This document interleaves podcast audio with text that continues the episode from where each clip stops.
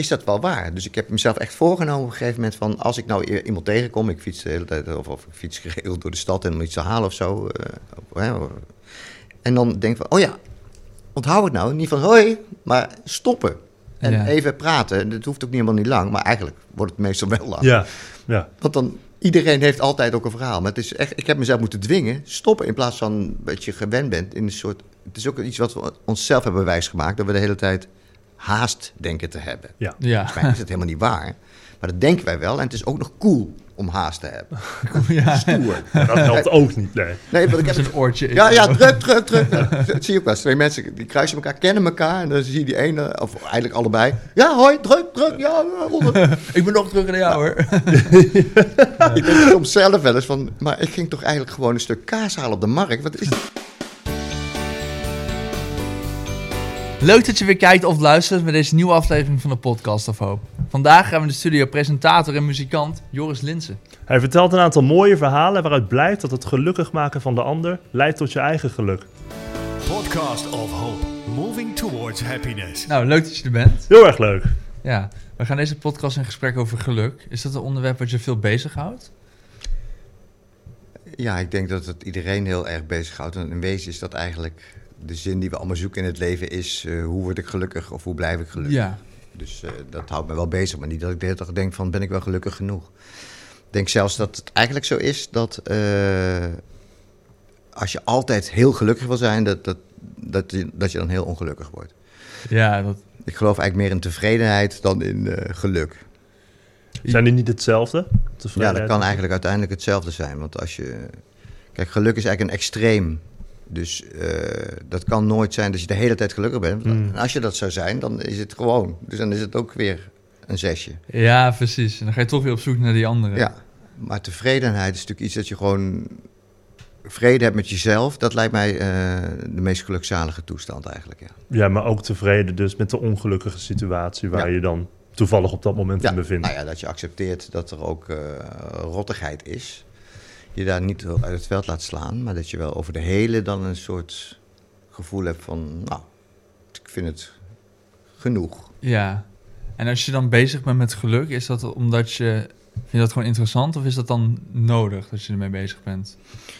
Nee, is niet zo nodig. Maar ik denk er wel eh, veel over na, omdat ik nu eh, twee seizoenen een tv-programma heb gemaakt, eh Boeddha in de Polder, waarin ik heel veel met mensen heb gesproken die over, over dat thema eigenlijk. Dat ging dan meer over eh, hoe zij tot spiritualiteit zijn gekomen, maar vaak zijn die nu veel evenwichtiger en gelukkiger dan voor eh, dat ze zo spiritueel Hmm. waren. En het komt dan vaak door een, eh, door een crisis. Dus ik, ik Ja. vind altijd wel een mooi ding ook, wat ik vaak hoor van spirituele mensen, is never waste a good crisis, weet je wel. Dus eigenlijk moet je dat als een voordeel zien. Dan moet je ook weer niet, mensen die in een crisis zitten, is natuurlijk het is heel erg. Ja, nee. Maar het is wel, eh, alle uitdagingen die op je pad komen, die, die kunnen je ook verrijken en uiteindelijk dus ook gelukkiger maken. Ja, precies. Als een les voor jezelf. Het is niet als iemand in een crisis zit dat je dan tegen die persoon moet zeggen... ah, Dus hey, dit is- cool man, Ja, te gek, dat is Ja. boffen, nee. Maar het is denk ik wel een goede, misschien een goede mindset om zelf te hebben. Inderdaad. Als je in een crisis komt, dat je toch probeert eh, er wat uit te halen of zo. Zou ik dat zo kunnen zien? Nou, het lijkt mij goed als je je realiseert dat een, eh, dat, eh, een heel groot verdriet of rouw, dat dat, dat erbij hoort en dat Ja. je daar doorheen moet gaan en, en dat het daarna weer beter zal gaan. Dus je dat geloof hebt, dat positivisme.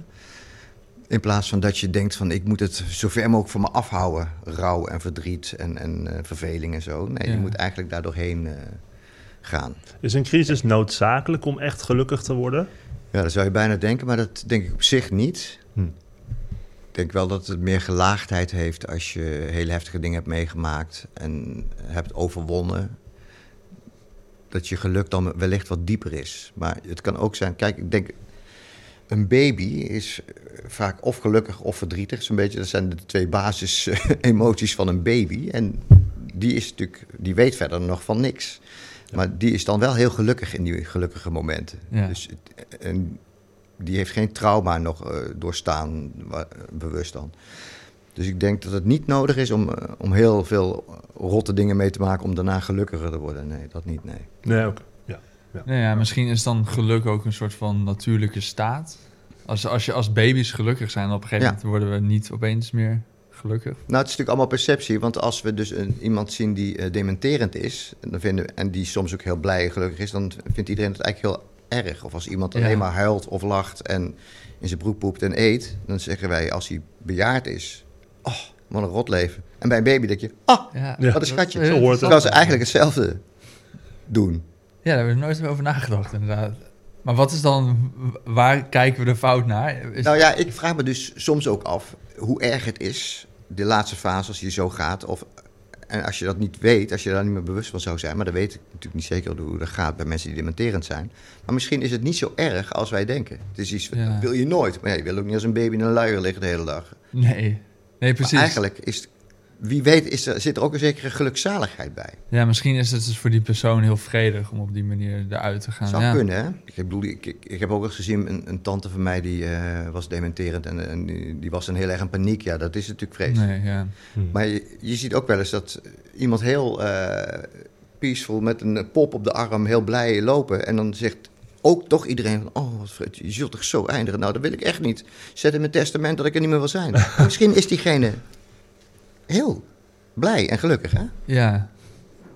Ja, ik weet ook niet hoe dat... Ja, het is natuurlijk ook wel omdat je natuurlijk de... Je omgeving heeft natuurlijk ook heel veel last van als je dementeren bent. Als in je wil niet je partner zien dementeren, dat hij niet meer weet wie je bent. Ja. Ja, plus je zegt dat ook nu omdat je je totaal niet in de situatie kan verplaatsen. Maar inderdaad, de blijdschap van de dementerende persoon zelf... Ja, misschien heeft hij het wel... Misschien is hij wel gelukkig op dat moment, ja. Maar omdat je jezelf gewoon niet in zijn mindset kan verplaatsen... zou je je gewoon niet voor kunnen stellen. Ja, het lijkt mij vooral vervelend als je dementerend bent, als iedereen gaat doen alsof je heel erg zielig Hmm. bent. Of Ja, ja. Terwijl eh, als je eh, mensen die dementeren als mensen blijft zien Hmm. en ze serieus neemt, dan, eh, dan hoeft het volgens mij niet altijd heel ongelukkig te zijn. Ja, precies. Maar goed, we zullen het zien als het zover is. Hè? Ja, Het is dichterbij eh, voor mij dan voor jullie. ja. Nee, ik, wil- ik wil even terugkomen op dat, op dat eh, spiritualiteit. Want wij hebben in de podcast ook heel veel gasten die komen praten over een bepaalde vorm van spiritualiteit. Dus heel veel boeken liggen in de kast. Ehm, en die zeggen eigenlijk ook allemaal inderdaad dat ze uit een... Nou, niet allemaal, maar heel vaak hoor je wel dat ze uit een, uit een crisis komen... en dan opeens op zoek gaan naar eh, spiritualiteit. Maar ben jij, ehm, ben jij ook geïnteresseerd in spiritualiteit op, op zo'n manier? Of ben je meer geïnteresseerd in de mensen die spiritueel zijn?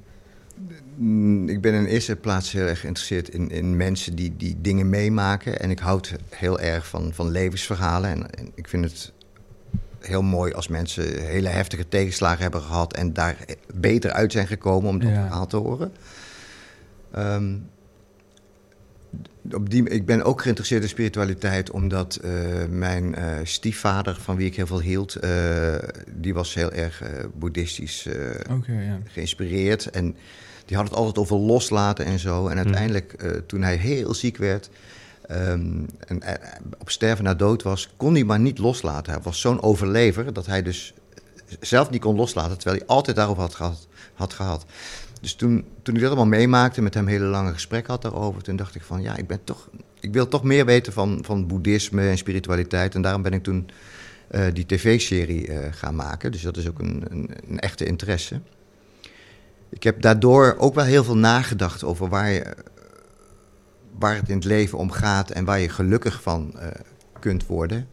En ik denk eigenlijk dat je vooral gelukkig kunt worden als je anderen helpt. Ja, Dat eigenlijk, dat je daar het gelukkigste van wordt. ja, en dat heb je een beetje geleerd uit, eh, uit die gesprekken met die, met die mensen uit die serie. Ja, maar dat heb ik ook in mijn eigen leven gezien. Dat, eh, ik was vroeger, toen ik een jaar of 16 was, was ik eh, heel punk en heel revolutionair. En ik wilde eigenlijk het liefst met, dat we met de revolutie alles zouden omwentelen. En Ja. dat we een nieuwe wereldorde zouden maken waar alles veel eerlijker en rechtvaardiger was. En eh, later ging ik studeren in Midden-Amerika, waar heel veel revoluties waren geweest. In eh, Cuba en in Nicaragua en zo. En ik dacht van, nee, dat is eigenlijk... Dat, corrumpeert bijna altijd in een dictatuur. Ja, Dus dat, dat is het helemaal niet. En langzaam zeker kwam ik er al in mijn, toen ik een jaar of twintig was achter. Eigenlijk eh, is het veel moeilijker om iets heel kleins te doen. Daarmee bereik je eigenlijk toch meer ja, dan met hele grote dingen die, die je helemaal niet kunt beheersen en, en die eigenlijk ook heel eh megalomaan zijn. Dus ik denk eigenlijk als je ik vind het, is een, schijnt een Joods spreekwoord te zijn. Als je één kind redt, red je de hele wereld. Dat vind ik, dat vind ik een mooi uitgangspunt. Dus wij zijn later, mijn vrouw en ik, hebben we ook eh, pleegkinderen in huis genomen. En eh, ik heb gezien hoe waardevol dat is geweest voor hen. Maar ook zeker voor, voor mij en voor onze kinderen en voor mijn vrouw. En toen heb ik gezien dat als je dus iets voor een ander doet, dat je daar uiteindelijk zelf ook gelukkiger van wordt. Ehm, en dat je op die manier de wereld eerder beter zult maken dan met als je allemaal andere, voor andere mensen dingen gaat bepalen. Wat natuurlijk toch met een revolutie zo is. Ja, precies. Ja, ik kan me voorstellen als iedereen voor een ander iets zou doen, dan zou zo'n revolutie helemaal niet meer nodig zijn natuurlijk. Ja, ik vind, eh, je hoort wel eens mensen die heel cynisch zeggen zo van, eh, ja, die helpt allemaal mensen, maar ja, dat doet je alleen maar om er zelf beter van te worden. Dan denk ik van, ja, dat is dus ook zo. Dat is Ja. juist het fijne ervan. Als je iemand anders helpt, dan word je er zelf ook beter van. Ja, Nou, wat is het probleem? Je moet echt een cynische lul zijn. En je zegt van, nou, dat doet hij alleen maar zichzelf. Ik kan me daar eh, over Ja. opwinden. En ik denk van, nee, dat is een win-win situatie. Ja, dat is alleen maar beter. Ja, Ja, degene die geholpen wordt, wordt er blij van. Jij wordt er blij van. So, what's the problem? ja, zo bijna, misschien is het bijna iets evolutionairs. Net als je bijvoorbeeld dopamine krijgt als je eet. Misschien dat je je goed voelt als je een ander helpt. Laat misschien zien dat we zijn gemaakt om anderen te helpen, misschien wel. Eh, ik denk het ook. Ik denk ook dat de mens van oorsprong is natuurlijk een, een kuddedier Ja. dat eh, in, in een groot familieverband eh, leeft. Dat zijn we helemaal kwijtgeraakt. Hè? Dus we leven nu, of heel veel mensen leven in, ehm in eenoudergezinnen of en allemaal apart, apart. Eh, buren kennen elkaar soms helemaal niet meer en zo. Ja. Terwijl, nou ja, wat is het, 70 jaar geleden of zo, dan had je vaak eh, dat er nog een aangewaaid nichtje in de familie was, oma, opa. Soms zaten die inderdaad ergens in een schuurtje of opgesloten in een kamer. Ik moet het niet helemaal ro- romantiseren. Maar het was wel dat je dus met verschillende generaties samenleefde en, en elkaar opving. Ja, En dat is volgens mij hoe, een, eh, hoe de mens eigenlijk bedoeld is. En we zijn in deze maatschappij helemaal eh, doorgeschoten naar die individualisering. Ja. Waarbij steeds meer iedereen alles voor zichzelf heeft. Dus er wonen soms ook mensen met z'n tweeën. Hebben, je ziet nou nieuwbouw. Sorry dat ik even van de hak op de tak ga. Ik, ik Nee, liep laatst door Utrecht naar nieuwbouw. Zag je. Eens kijken. Wat, dan maken ze dus hele grote appartementen voor twee mensen met twee badkamers. Zodat beide Oh. partners hun eigen badkamer hebben. En dan denk ik, oh, sommige mensen denken, wauw, te gek, hebben. Ja. En ik denk, dit is echt wat ik bedoel, dit is het einde. Dit is echt. Straks zitten we allemaal heel eenzaam eh, in bad, in onze eigen badkamer, Ja. dood ongelukkig te zijn. ja. Je kunt beter met z'n tien onder de douche gaan, hoor. Ja nee, helemaal mee. eens. Ja, vooral met je is ook leuker natuurlijk. Dat is ook leuker. We zitten hier onder de douche, ja, ja. Ja, maar ja, ja, het, het lijkt wel alsof we echt steeds meer... Nou, we zijn er al, maar het wordt steeds extremer, dus zoals je zegt. Ja. Maar denk je dat er een soort van kantelpunt komt en we, we gaan weer die gemeenschap terugkrijgen? Of moeten we daar... Ja. ja, ik denk eigenlijk wel dat dat... Kijk, als je het hebt over een crisis en daarna eh, sublimeren en daarboven uitstijgen... dan is dit misschien, misschien de crisis waar we met z'n allen in zitten. Dat we dus totaal de weg kwijt zijn en heel individualistisch zijn geworden... en heel materialistisch. En dat zijn twee dingen die eigenlijk helemaal niet horen bij, eh, bij onze soort, bij de mens... Ja, En waar je ook alleen maar kortstondig geluk van krijgt. En niet, geen lange termijn geluk. Dus het is heel consumerend allemaal. Van, eh, ja, ik wil mijn eigen douche, mijn eigen, ik wil alles voor mezelf. En, eh, en ik, ik heb niemand nodig. ja, Ja, dat, dat is een recept voor eenzaamheid. ja, precies. Ja, en ik heb het gevoel ja, dat mensen tegenwoordig ook wel eenzamer zijn. We hebben Hmm. daar ook wel vaak in podcast over gehad. Dat Hmm. Aan de ene kant ben je meer verbonden tegenwoordig, met, met, met social media bijvoorbeeld. Maar De illusie van verbondenheid. Ja, wat zei je? man? Ja, maar dan is je avatar verbonden met een andere avatar. Ja, Ja. precies. Laten we eerlijk zijn, niemand die zegt echt hoe het is op social media. Nee. Dus je bent nep verbonden. Ja. En dat is eigenlijk de, de ziekte van deze tijd. Dat is echte contact, dat is gewoon als je ziet dat je buurman eh, moeizaam loopt, dat je eh, naar hem toe gaat en zegt: hey, ik zie dat je moeilijk loopt, kan ik je misschien helpen? Zal ik wat boodschappen doen? Dan zegt hij: Nou, nou hoeft niet. Nou, zal ik het niet toch doen? Nou, oké. Dan ga je het doen en daarna ga je nog even praten. Zeg je van, Ja. of, of komt u nog eens bij mij een kopje koffie drinken? Dat, en daar worden, worden jullie dan, worden die twee mensen allebei gelukkiger van. Ja. ja, dat zie je ook wel een beetje terug in je programma's natuurlijk. Dat echte contact met mensen, Mhm. om die verhalen naar boven te krijgen. Ja, het is natuurlijk heel kortstondig, on the fly. Dus in programma's als Hello Goodbye op Schiphol, waar ik dan random mensen aanspreek. is dat eh, een heel intiem eh, gesprek, vind ik zelf altijd. En die mensen vinden dat ook, eh, weet ik. Maar het duurt natuurlijk maar een kwartiertje of zo. En daar wordt dan zeven minuten van uitgezonden of zo. Maar het is wel echt contact. Ja, Ja. Omdat het gelijkwaardig is. Eh, ik echt luister en die mensen voelen... hé, hey, hij luistert en hij gaat mij niet kwetsen. En eh, dat is misschien ook wel een van de dingen die mensen gelukkig kan maken... als, als ze het gevoel krijgen eh, dat er naar ze geluisterd wordt... en, en dat je ertoe doet. ja, Andersom is dat echt het probleem eh, als je dus... Ik heb dat wel gezien bij, eh, bij pleegkinderen bijvoorbeeld. Bij kinderen voor wie de ouders niet kunnen zorgen. Dan krijg je natuurlijk heel snel het idee... het ligt aan mij, ik ben niet goed genoeg... eh, Ja. ik heb iets misgedaan of zo. Dus je krijgt het gevoel dat je er niet toe doet. En dat, dat is heel verlammend. Dus het is heel fijn als je dat eh, bijvoorbeeld als pleegouders... of als vrienden van zo iemand kunt... eh, te niet doen door te zeggen, nee, je- door te laten zien, ik hou echt van jou en je doet er wel toe. ja.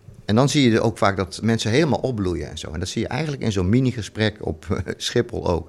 Dat mensen echt boven zichzelf uitstijgen. Dat vind ik altijd heel bijzonder. Dat ze soms dingen zeggen en je ziet aan hun ogen dat ze het op dat moment een inzicht krijgen. Dat Ja. vind ik het, mooiste. En dat gebeurt best wel eh, geregeld. En zouden we dat eigenlijk ook moeten toepassen in onze levens? Dat we op die manier misschien met, met anderen in contact gaan staan? Ja, ik denk dat iedereen er blijer van zou worden als je echt contact hebt met anderen, met de ander. Maar ik moet eerlijk toegeven dat het voor mij is het ook makkelijker ehm, Ja, met een cameraploeg voor een tv-programma dan Ja. in het echt. Ja. Dat is eigenlijk, en dat is natuurlijk eigenlijk best wel sneu, maar dat is wel zo. Omdat je dan dus een reden hebt om het te doen en een, een smoesje of een eh, legitimatie, Ja. zullen we zeggen. Want, want soms heb ik ook wel in het dagelijks leven dat ik denk van, dan hoor ik die vraag, denk van ja, kom op, je bent nou niet eh, de interviewer en dat geeft geen pas. Ik dan later denk, wat een onzin. ja, Je kunt het altijd vragen natuurlijk. Maar toch moet ik eerlijkheidshalve dat wel toegeven, dat dat makkelijk is. Ja, voor mijn gevoel is het leven tegenwoordig ook allemaal heel snel. Dus op het moment dat je ook iemand aanspreekt op straat, dan... Ja, misschien zitten ze er ook helemaal niet op te wachten. Ze moeten nog ergens naartoe, ze moeten nog iets anders doen. Ja, Dat gevoel krijg ik ook altijd een beetje. Dat gevoel heb ik trouwens zelf ook heel vaak. Ja, Terwijl ja. ik dan denk van, is dat wel waar? Dus ik heb mezelf echt voorgenomen op een gegeven moment van... als ik nou iemand tegenkom, ik fiets de hele tijd... of, of ik fiets geregeld door de stad en om iets te halen of zo. eh, en dan denk ik van, oh ja, onthoud het nou. Niet van hoi, maar stoppen. En Ja. even praten. Dat hoeft ook niet helemaal niet lang, maar eigenlijk wordt het meestal wel lang. ja, ja. Want dan, iedereen heeft altijd ook een verhaal. Maar het is echt, ik heb mezelf moeten dwingen, stoppen in plaats van dat je gewend bent in een soort... Het is ook iets wat we onszelf hebben wijsgemaakt, dat we de hele tijd haast denken te hebben. ja. Volgens mij is het helemaal niet waar. Maar dat denken wij wel. En het is ook nog cool om haast te hebben. ja. Stoer. Dat helpt ook niet, nee. Nee, want ik heb een oortje in. ja, ja, druk, druk, druk. Ja, dat zie je ook wel eens. Twee mensen die kruisen elkaar, kennen elkaar. En dan zie je die ene, of eigenlijk allebei. Ja, hoi, druk, druk. Ja, honderd. Ik ben nog terug naar jou hoor. Ik denk soms zelf wel eens van... Maar ik ging toch eigenlijk gewoon een stuk kaas halen op de markt. Wat is dit voor... Maar dan wil je dan even snel doen of zo tussendoor. Ja, Maar, dus ik, ik heb mezelf voorgenomen te stoppen. En dat doe ik nou ook. En dat werkt. ja precies. Wat meer in het moment zijn. Ja. Ja, Ja, want ik herken dat inderdaad heel sterk van mezelf. Want ook al hè, als je met iemand in een gesprek verstrikt raakt, dan heb je op een gegeven moment van, ja, ik wil nu eigenlijk wel door. Ik was iets aan het doen. Dus misschien moet ik daar wel mee stoppen in dat opzicht, ja. Ja, ik- mensen zijn ook altijd veel interessanter eh, dan iedereen denkt. En ook vaak veel interessanter dan ze zelf denken. Ja. Ik Ja. zie hier nou die foto daarvoor staan. Dus zie je mij met eh, een vriendin van mij, oma Miep. Ze is inmiddels overleden, maar ze is 101 jaar geworden. Dit is eigenlijk de dag dat wij elkaar ontmoeten. Heeft een eh, fotograaf eh, van de, de krant hier een foto van gemaakt. Ik trad toen op als smartlappenzanger. En ik had een culturele bingo samen met de burgemeester van Utrecht. En dan kon je dan prijzen winnen. Mhm. van De uitmarkt van Utrecht of zo. ja. En je kon ook maaltijden winnen. Dus dan kon je daar in een restaurantje aan de Neude kon je even een maaltijd krijgen. Dus nou, die had ik allemaal eh, uitgedeeld. En toen kwam deze mevrouw naar mij toe, die ik helemaal niet kende. En die zei van, eh, zijn er nog van die maaltijden? Dat was in de tachtig en zo.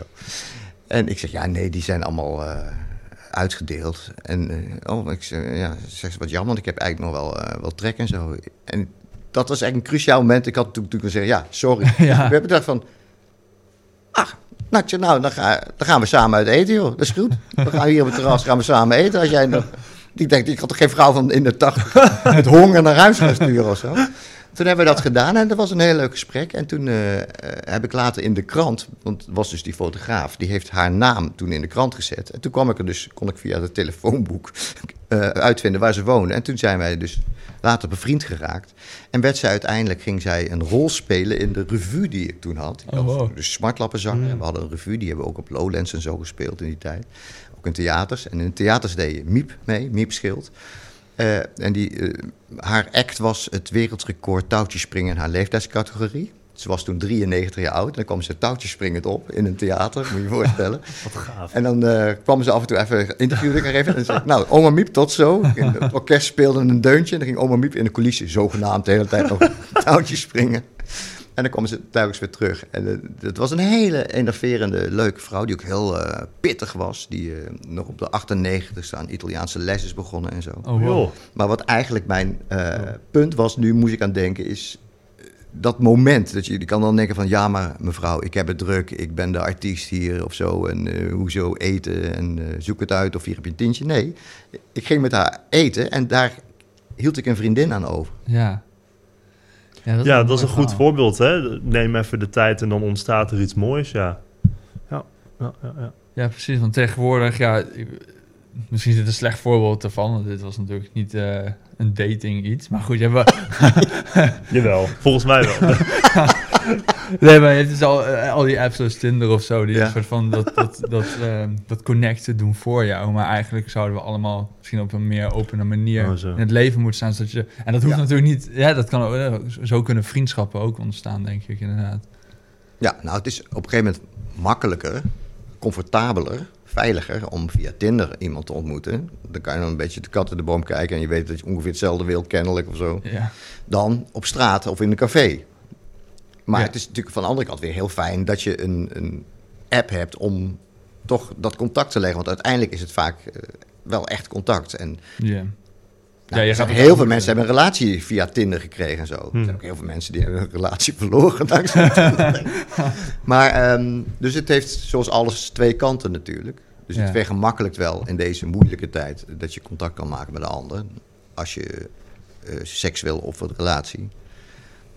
En, maar het komt wel weer daardoor, is het nog moeilijker misschien geworden om in het echte leven, in het wild, gewoon iemand te ontmoeten. Ja, Ja, ja, want- want... bijvoorbeeld voor zo'n interactie moeten beide mensen openstaan. En ik denk als je tegenwoordig op straat loopt en jij bent dan open, dan is merendeel van de mensen alsnog gesloten, omdat ze snel ergens naartoe moeten.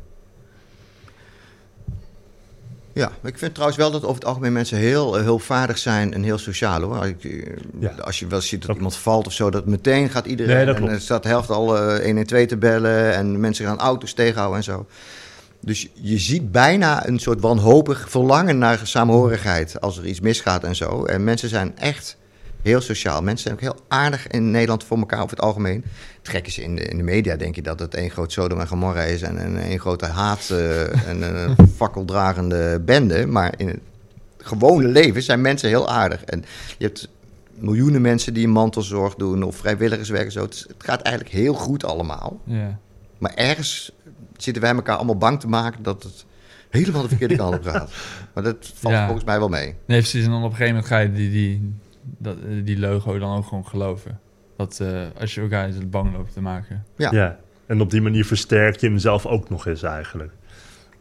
Want Ja, ja nou, angst is echt wel een raar ding natuurlijk. Dat, zullen, dat zal hier ook wel vaak ter tafel komen of zo. Dat is natuurlijk het tegenovergestelde van geluk is angst. En ehm, er zijn wel veel krachten die op een of andere reden proberen ons allemaal bang te maken. Je had natuurlijk altijd vroeger de wapenlobby in Amerika... die altijd doen alsof het heel eng is om, om meer wapens te verkopen en zo. En, maar je hebt nu dus allemaal politici die ook proberen een sfeer van onveiligheid te creëren... en mensen bang te maken om daarna stemmen te krijgen. Ik snap niet precies wat ze echt willen of zo. Maar ik vind dat wel... ehm, voor, het alge, voor de geluksindex is dat echt een, eh, is dat slecht. Ja, ja. Angst aanjagen. Ze zeggen dat er een probleem is die dan alleen zij kunnen oplossen en op die manier dan eh, stemmers ja, te of ze zeggen dat er een probleem is wat daardoor ontstaat. Soms ja, self-fulfilling prophecy, dat hebben we dan Ja. ook nog wel eens, ja. Ja, Maar het is vooral ook vaak ontmenselijking van bepaalde groepen. Eh, en dat is ook een heel, er is in de geschiedenis vaak bewezen hoe gevaarlijk dat is. En eh, daar moet je echt voor waken en zo. En je moet altijd overal bij iedereen, ook trouwens bij mensen die dit soort dingen doen, eh, de mens achter iemand zien. Het is een mens. En hij is dus waardevol en hij doet ertoe. Wat ze ook doen. ja. Wat ze ook doen in principe. ja precies. Ja, Hmm. dat is heel waardevol, ja. ja en je hebt ooit een keer, als ik goed heb in een interview gezegd... dat, dat eh, je van je vrouw Rebecca hebt geleerd hoe je gelukkig moet zijn. ik weet niet of je dat nog kan herinneren. Eh, nee, nou, ik kan, kan me daar wel iets bij voorstellen. Ehm, nou ja, zij is een heel positieve, positieve vrouw die heel veel voor anderen doet en heel eh, ijverig en, en straight is. En ehm, ik heb ooit voor haar een, eh, een liedje bewerkt. Hè. Ik, eh, heb op een tijdje in Mexico eh, gestudeerd en toen miste ik haar heel erg. En eh, toen hoorde ik daar een lied en ik denk van ja, dit, dit gaat over haar. En daarin zit er wel van, dat heet uh, Contigo Aprendi. Dat betekent eh, van jou heb ik geleerd of, of met jou heb ik geleerd. En ik vond die tweede vertaling mooier, dat is eigenlijk geen goed Nederlands. Met jou heb ik geleerd, maar ik dacht van, van jou heb ik geleerd is echt zo hiërarchisch. Ja. Van, ik heb van een leraar geleerd, maar met jou is eigenlijk, doordat ik met jou ben, heb ik geleerd. En dan zijn er strofes van dat een bloem lekker kan ruiken. En met jou heb ik geleerd om te beminnen in plaats van te gebruiken. En dat is wat zij mij inderdaad heeft eh, geleerd. Ook, eh, zij is ook de drijvende kracht, moet ik eh, zeggen, bij eh, het, het eh, ontvangen van pleegkinderen en zo. Ik was toch vaak ook heel veel on the road met de band en overal en nergens met televisie en zo. En zij was dan toch altijd de constante factor, hoewel ze natuurlijk ook haar eigen werk heeft en zo. Maar zij kan heel veel, zij geeft echt heel veel om anderen en dan zonder eh, effectbejag en zonder eh, moralistisch te zijn of zo. Zij is eigenlijk gewoon een heel goed, goed mens. Ja, dus, dus heeft dus niet letterlijk geleerd gelukkig te worden, maar je hebt, eh, bent erdoor geïnspireerd. Of, of- Ja, met haar heb ik geleerd eh, Ja. hoe je gelukkig zou kunnen zijn. En dat is dus door eh, anderen gelukkig te maken. Ja. Ik vind het wel mooi dat je zegt met haar in plaats van niet de hiërarchie, maar ook Ja. denk ik omdat je eh, vaak samen, het is vaak niet één, iemand die iemand iets leert, maar in dit soort dingen leert de andere natuurlijk ook. De- Denk je dat het mogelijk is om alleen gelukkig te zijn? En dan heb ik het niet over pre- precies jij en dan zonder je vrouw Rebecca, maar als in voor een mens om alleen gelukkig te worden, zonder partner. Een kluizenaar. Eh, ik In denk, het extreme dan. ja, ja, Ja. ik denk op de korte termijn wel. Ik denk zelfs dat heel veel mensen dan aanvankelijk veel gelukkiger zullen zijn. En dan al- van die, al die zooi af te Ja, zijn en alle verplichtingen en zo. Het kan natuurlijk heel vrij zijn als je helemaal alleen bent. Ik heb heel veel mensen gesproken die dat daadwerkelijk gedaan hebben voor een eh, tv-programma dat heette Joris Showroom, waarin ik excentriekelingen eh portretteerde, die Hmm. vaak in een, eh, in een hut woonden of in een grot. Oh ja. Of zwierven in, in de uiterwaarden en zo. En die waren op dat moment heel gelukkig en alleen en, en vrij, maar die werden wel ouder. En dan langzaam maar zeker werden ze dus fysiek konden ze het niet meer doen. En ze, Mm, en ze, op die ver- manier, ja. ze vervreemden ook echt van de, Hmm. van de samenleving. En dus het was. Ik denk dat ze dan de eerste vijf jaar van het alleen zijn en zo zelfstandig zijn. Als een revolutionaire rebel, helemaal alleen op de wereld. Heel gelukkig waren. Maar daarna moesten ze wel tien jaar tot aan de dood daarvoor terugbetalen. Ja. ja Dus dus ik heb zelfs een man ontmoet. Dat ja. was echt een hele bijzondere man. Die heette Joep. En die woonde altijd eh, aan een soort tent. En daar had hij een kuil onder gegraven. En die kookte al jarenlang eh, op een vaccinelichtje. Waardoor hij ook zijn hele gezicht was ja, geel-zwart geworden. Hij had een baard, hij was helemaal Oh, uitgemergeld. Hij dronk het water uit de rivier. Het was aan de, aan de Waal, meen ik. En daar woonde hij dus al jaren en jaren in een soort hol. En eh, die man die kon ook bijna niet meer praten. En dat was, die, die stiet klanken uit. Dat was een soort beest geworden, bijna. Dus ik, mijn redacteur is een paar keer langs geweest om te vragen of we ooit mochten komen en zo. Nou, er werd dan wat gesnauwd en gedaan. Uiteindelijk was het deal. Als wij met een busje kwamen, dan mocht ik hem interviewen. maar dan wilde hij met het busje naar een eh, container waar zijn spullen in opgeslagen waren, waar hij nooit meer geweest was. Dus dat hebben we afgesproken. Dus ik ben gegaan. Maar dus ik riep hem en die man die kwam daaruit, uit die, uit die soort oude legertent die ook helemaal bemost was geraakt en zo. In die modderige kuil, als een soort beest kwam die er naar buiten en zo. Hij was ook heel boosaardig, hij was kwaad, hij was tegen de wereld en zo. Oh, oké. Maar hij ontdooide wel toen wij hem meenamen naar die container en zo. En, ehm, maar hij was zo vervuild en vervreemd van alles... dat hij ten eerste dus bijna niet meer kon praten... maar ten tweede ook nog heel erg stonk. Want hij had natuurlijk Ja. jarenlang niet gewassen en zo. Hmm. En eh, ook die auto was bijna niet meer schoon te krijgen. Een beetje respectloos klinkt dit, maar dat was gewoon... hij was zo vervuild. Hmm. Dus dat was begonnen als een hele heroïsche daad van iemand die ging alleen, helemaal alleen wonen in de uiterwaarden van, eh, van de Waal in een tent en zo. En toen was dat het, het summen van geluk en van eigenwijsheid en, en van rebellie, van vrijheidsdrang. Maar dat verwerd steeds erger. En uiteindelijk is hij eh, steeds zieker en zieker geworden en is hij op een gegeven moment weggehaald. En toen, wij hadden altijd, we gingen altijd voordat we hem gingen filmen, want ik ben er vaak bij hem geweest. Hmm. Ook hebben we nog eens een keer zijn verjaardag gevierd en zo. Oh, echt? Dat was heel leuk met vlaggetjes en alles. Dat vond hij dan wel mooi en zo. en toen hoorde ik van het café waar we altijd van tevoren even koffie dronken of zo. Van, eh, die belde mij op. Die zei, ja, Joep die ligt in het ziekenhuis en het gaat helemaal niet goed. En toen ben ik naar het ziekenhuis gegaan. En daar lag hij nog. Eh, en toen hadden ze zijn baard afgeschoren. Ze hadden hem een soort oranje overal aangedaan of zo. Zo'n ziekenhuisding. En ze zeiden, ja, er valt geen land te bezeilen met deze man. Hij- eh, We proberen hem te voeren, stukjes kip en, en, en, en, bouillonnetjes en zo. Hij eet niks. Ik zeg, ja, maar... En hij kon niet meer praten toen. Ik zeg, die man is vegetariër, dus die, die kom jij met een stukje kip. Heel lief. Maar dat, dat- dus hij, was, hij kon zich niet uiten. En hij werd door hun als een zonderling gezien. Die Ja. ook nog zijn identiteit hadden afgenomen door zijn, eh, zijn baard en alles af te scheren. En ehm, toen zeg ik van, nou, haal een, een bekertje vla of zo. Toen heb ik hem met een theelepeltje, heb ik hem zo heel zachtjes tussen die, die hele dunne lippen, een bekertje vla gevoerd, gele vla.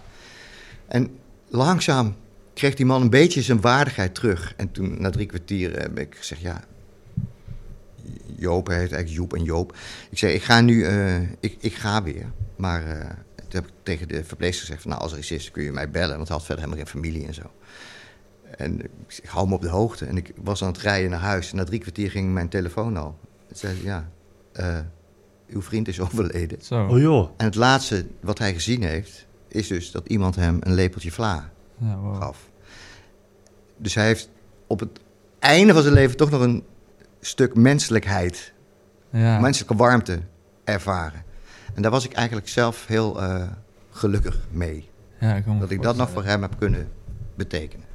Ja, mooi verhaal.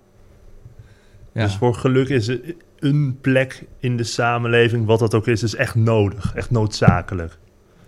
Ja, ik denk dat de mensen eh, hele, een paar uitzonderingen dagen later niet geschikt is om helemaal alleen supergelukkig te zijn. Dus wel kort, maar niet op de lange termijn. Nee. Ja.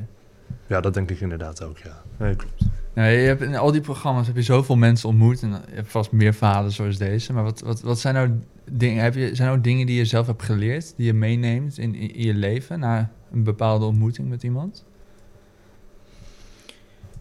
Nou, ik ben ook wel eh, eh, bevriend geraakt met mensen die ik door de televisie ontmoette. En eh, er zijn wel mensen bij waar ik heel veel van eh, heb opgestoken en geleerd. Ja. Dus eh, ik ken ook een andere zonderling uit die tijd. die woonde dan aan de Maas. Alsof ze allemaal aan de rivier woonden. Ja. Maar die, eh, daar heb ik nog steeds contact mee, Henk Verkaart. En die laat mij altijd... die woonde toen in de uiterwaarden en zo, daar zwierf hij. En daar ga ik nog eh, af en toe op bezoek en zo. Hij woont nou beschermd en zo. Want ook in zijn geval gaat het gewoon niet meer. Hij is nu, ik geloof 83 of zo. Daar kan je echt niet meer eh, in de uiterwaarden wonen. hij woonde ook, weet je, op zo'n kluizenaarsbestaan. Ja, een totale puinhoop woonde hij. het is allemaal rotzooi. Ja. In de, in de bosjes. Dat was een bosjesman. Trouwens, schiet me nou nog eens te binnen. Ik heb nog eens een keer in de Amstel. Dus in Amsterdam, aan de Amstel, was een man. En dat, dat was echt. Hij was echt een, een. leek wel een wild dier. En die was dus. Die, ik weet niet of hij er nog zit. Maar die was dus schuw. En die, en die, eh, die liep in een soort Tarzan-achtig eh, rokje, lappen. En. eh, Die at dan uit vuilnisbakken. Dat was echt heel Oh. bizar. Maar, maar ook niet dat je denkt, goh, die is gelukkig. Nee. Wel heel bijzonder. En we hebben geprobeerd... ehm, ja, je probeert natuurlijk ook iemand waardigheid te geven. Ook door eh, te zeggen, ik vind jou interessant en jouw verhaal en zo. Maar, maar deze man was echt, ik denk toch wel eh, uiteindelijk een psychiatrische patiënt geworden door Ja, zijn nee, precies. leefstijl. Ja, maar het, zijn- wel... wel een heel bijzondere persoon. Ja, ja, dat wil ik zeggen. Het zijn wel vaak dat soort personen die hele interessante verhalen hebben. Mhm. Ja, Ja, anders kom je daar überhaupt niet terecht natuurlijk. ja. Ja. Ik heb een niet zo heel subtiel bruggetje, maar ik wilde het nog wel Mhm. over hebben. Want we hadden van tevoren zaten we naar foto's te kijken en toen had je het over... ehm, eh, toen ging je kamperen en toen had je het over dat je een totemdier moest gaan ontdekken of Ja. zo. En dan wilde ik vragen wat je totemdier was, zei dat zeg ik zo in de podcast wel. dus ik ben wel benieuwd. Ik ben daar wel benieuwd naar. Ja, nee, dit was voor het eh, tv-programma Boeddha in de polder. Eh, hier krijg ik instructies. Ik ging dus twee nachten in, aan de rand van een bos bivakeren alleen. Eh, en een dag. En ehm, de bedoeling was eigenlijk dat je dan... Ja, ik mo- moest blijven in een, eh, in een eh, cirkel van 10 meter of zo. Ik kon alleen een klein stukje bos nemen om daar hout te sprokkelen en zo voor het vuur. Ik moest ook mijn eigen potje koken en zo. En de bedoeling was dan dat je jezelf tegen zou komen. Ja. Het was een soort eh, solo quest, heet dat. Hmm. Dus, want je gaat, eigenlijk ga je je ook vervelen en je, en je gaat helemaal terug naar de basis. Moest ook met de telefoon, horloge, alles inleveren. Hmm. Dus, en normaal gesproken doen, doen ze dat wat langer, maar omdat het voor de televisie was, Ja. eh, heb ik dat wat korter gedaan. Twee nachten en een dag. Nou, En lang was ook de bedoeling dat je dan dus je totemdier tegen zou komen. Of, of het, er zou een dier komen die zou mij vertellen, iets vertellen over mijzelf. Dus ik was heel benieuwd. Ik zeg, wat komt die dan vooral, wat komt die nog wel eens langs? Hij zei, nou, het zou een wolf kunnen zijn. Nou, lekker. Een das. Ik wist niet eens hoe een das eruit ziet. Maar, eh, maar die zien er ook best wel gek uit. best grote beesten. Een, Mm. een reebok. Ik, ik bleek ook dat zeiltje was gespannen op de plek waar hij kon zien aan haren aan een stam dat daar een reebok vaak sliep. Dus die zou dan misschien jaloers kunnen worden en zo. Nou, Oh, maar die dieren moeten echt in het echt komen. ja, dat is niet wilde dieren. dromen. Nee, een echt dier. Dus er komt een dier en dat is het dier wat er bij jou hoort. Dat was zijn, eh, Ja, oké, precies. wat hij Ja, voorstelde. ik dacht ook op een spiritueel Nee, niveau. ja, nou ja, want dat zou dan vervolgens spiritueel iets over jou zeggen. Ja, oké. Ja. Dat Ja. dier, die ontmoeting, die is niet voor niks. Dat, dat ja, die- is die- zo bedoeld. daarheen, of, zo. ja. of dat lok je dan uit. Dus ik was, eh, de eerste nacht heb ik een oog dicht gedaan. Bij iedere geritsel heb je nogal veel in een bos. Dacht ik, van, er komt een wolf of er komt een Een das. En ik dacht ook van, eh, ja, wat is dit? ja. En ik was ook eh, bang om alleen te zijn. Ik dacht, ik heb er ook heel lang nagedacht van, oh ja, ik was als kind vroeger ook van, ik alleen eigenlijk best eng. En terwijl als dan mijn zus op de kamer sliep of mijn moeder er ook was of zo, hetzelfde hetzelfde, dan was, je, was het helemaal niet eng. Ja, dus wel. engheid dacht ik toen, dat was eigenlijk een heel simpel inzicht.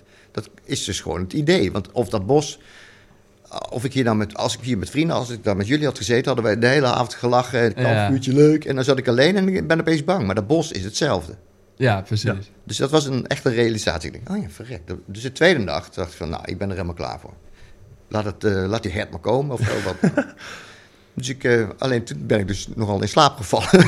omdat ik helemaal gerust was. Ik was klaar voor de ontmoeting. Dus de volgende dag, uiteindelijk kwam eh, deze man, Aljo, die kwam naar mij toe en die zei van... Ed, heb je nog een to- totemdier ontmoet? Ik zei, nee, ja, niks.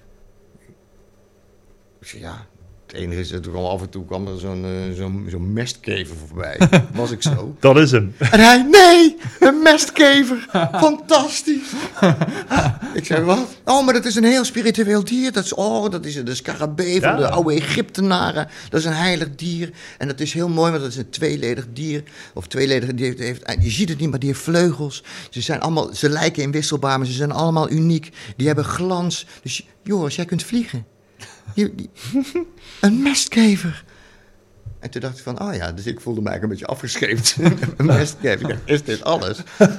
maar toen dacht ik, oh ja, wees tevreden met wat je hebt. Ja, dat- Mijn totemdier is een mestkever. En uh, nou, dat is een goede zelfrelativering en uh, ik ben er inmiddels blij mee. Ja, dat is inderdaad wel waar. Je hoeft niet altijd die wolf te willen. Nee. Je moet soms tevreden zijn met de mesgever. Ja, maar dat is wel een goede instelling. Hij, hij ziet de pracht in een mestkever, ja. Ja, ik vond het heel mooi. ik was echt teleurgesteld. Ja, ik had niet in de gaten. Uh, zelfs dat, je had het helemaal niet Nee, in de ik, gaten. ik dacht, ja, uh, een Nou, Ja. Nee, ja, we vragen onze gasten ook altijd een voorwerp mee te nemen. Waar ze gelukkig van worden, inspiratie uithalen. Ehm, dus daar hebben we ook aan jou gevraagd. Ja. Ik zie nog geen voorwerp hier liggen, Je maar er, er was iets, zei je?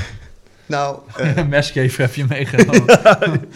ik vind de, de, de, basis van jullie idee eh, is eigenlijk dat we allemaal gelukkig moeten worden. Maar heel wijs is het zo dat jullie niet zeggen iedereen moet een 10 krijgen.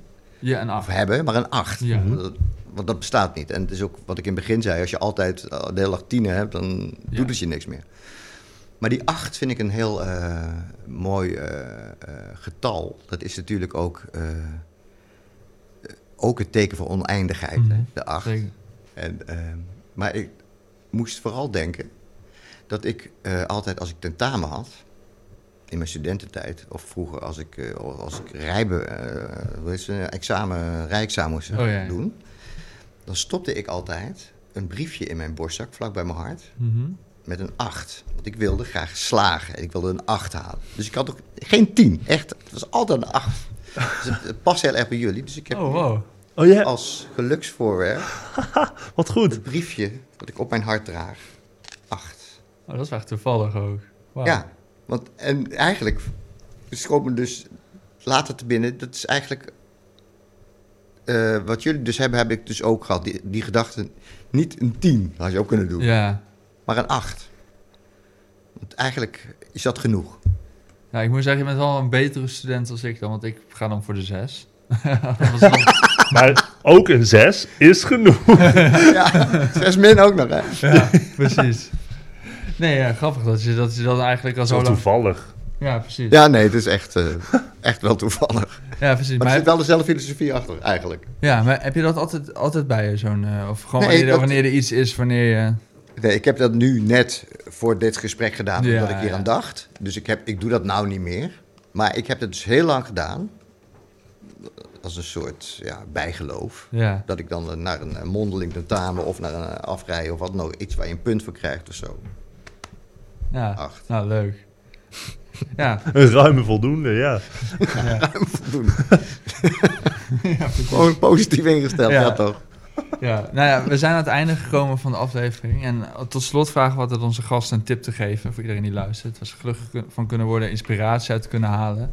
Dus bij deze. Nou, ik denk dat iedereen wel iemand kent die die nog niet heeft aangesproken, maar waarvan hij heeft gedacht van eigenlijk zou ik toch eens moeten vragen hoe het echt met diegene gaat. Gewoon uit je straat of op de sportclub of wherever. Ik zou zeggen, spreek diegene dan echt een keer aan. Top. Mooi. Ja, nou, ik ga dat zeker ook doen. Ja, bedankt. Ik ben benieuwd. Bedankt voor het kijken of luisteren naar deze aflevering van de Podcast of Hoop. We hopen dat je ervan hebt genoten of misschien wel geïnspireerd door bent geraakt. Iedere zondag om 10 uur komt er een nieuwe aflevering online op YouTube, Spotify en op al je andere favoriete podcast-apps. Ook kun je ons vinden op www.podcastofhoop.nl. Tot ziens en veel geluk. De wereld waarin we leven biedt nog geen gelijke kansen. Voldoende eten en drinken. Een adequate opleiding. Goede gezondheidszorg. Vrede en geluk is niet voor iedereen weggelegd. Maar stap voor stap wordt het beter. En zijn we op weg naar een octopische samenleving waarin iedereen zijn of haar leven als goed kan beschouwen. Het is een lange reis, maar we zijn op weg. Podcast of Hope. Moving towards happiness.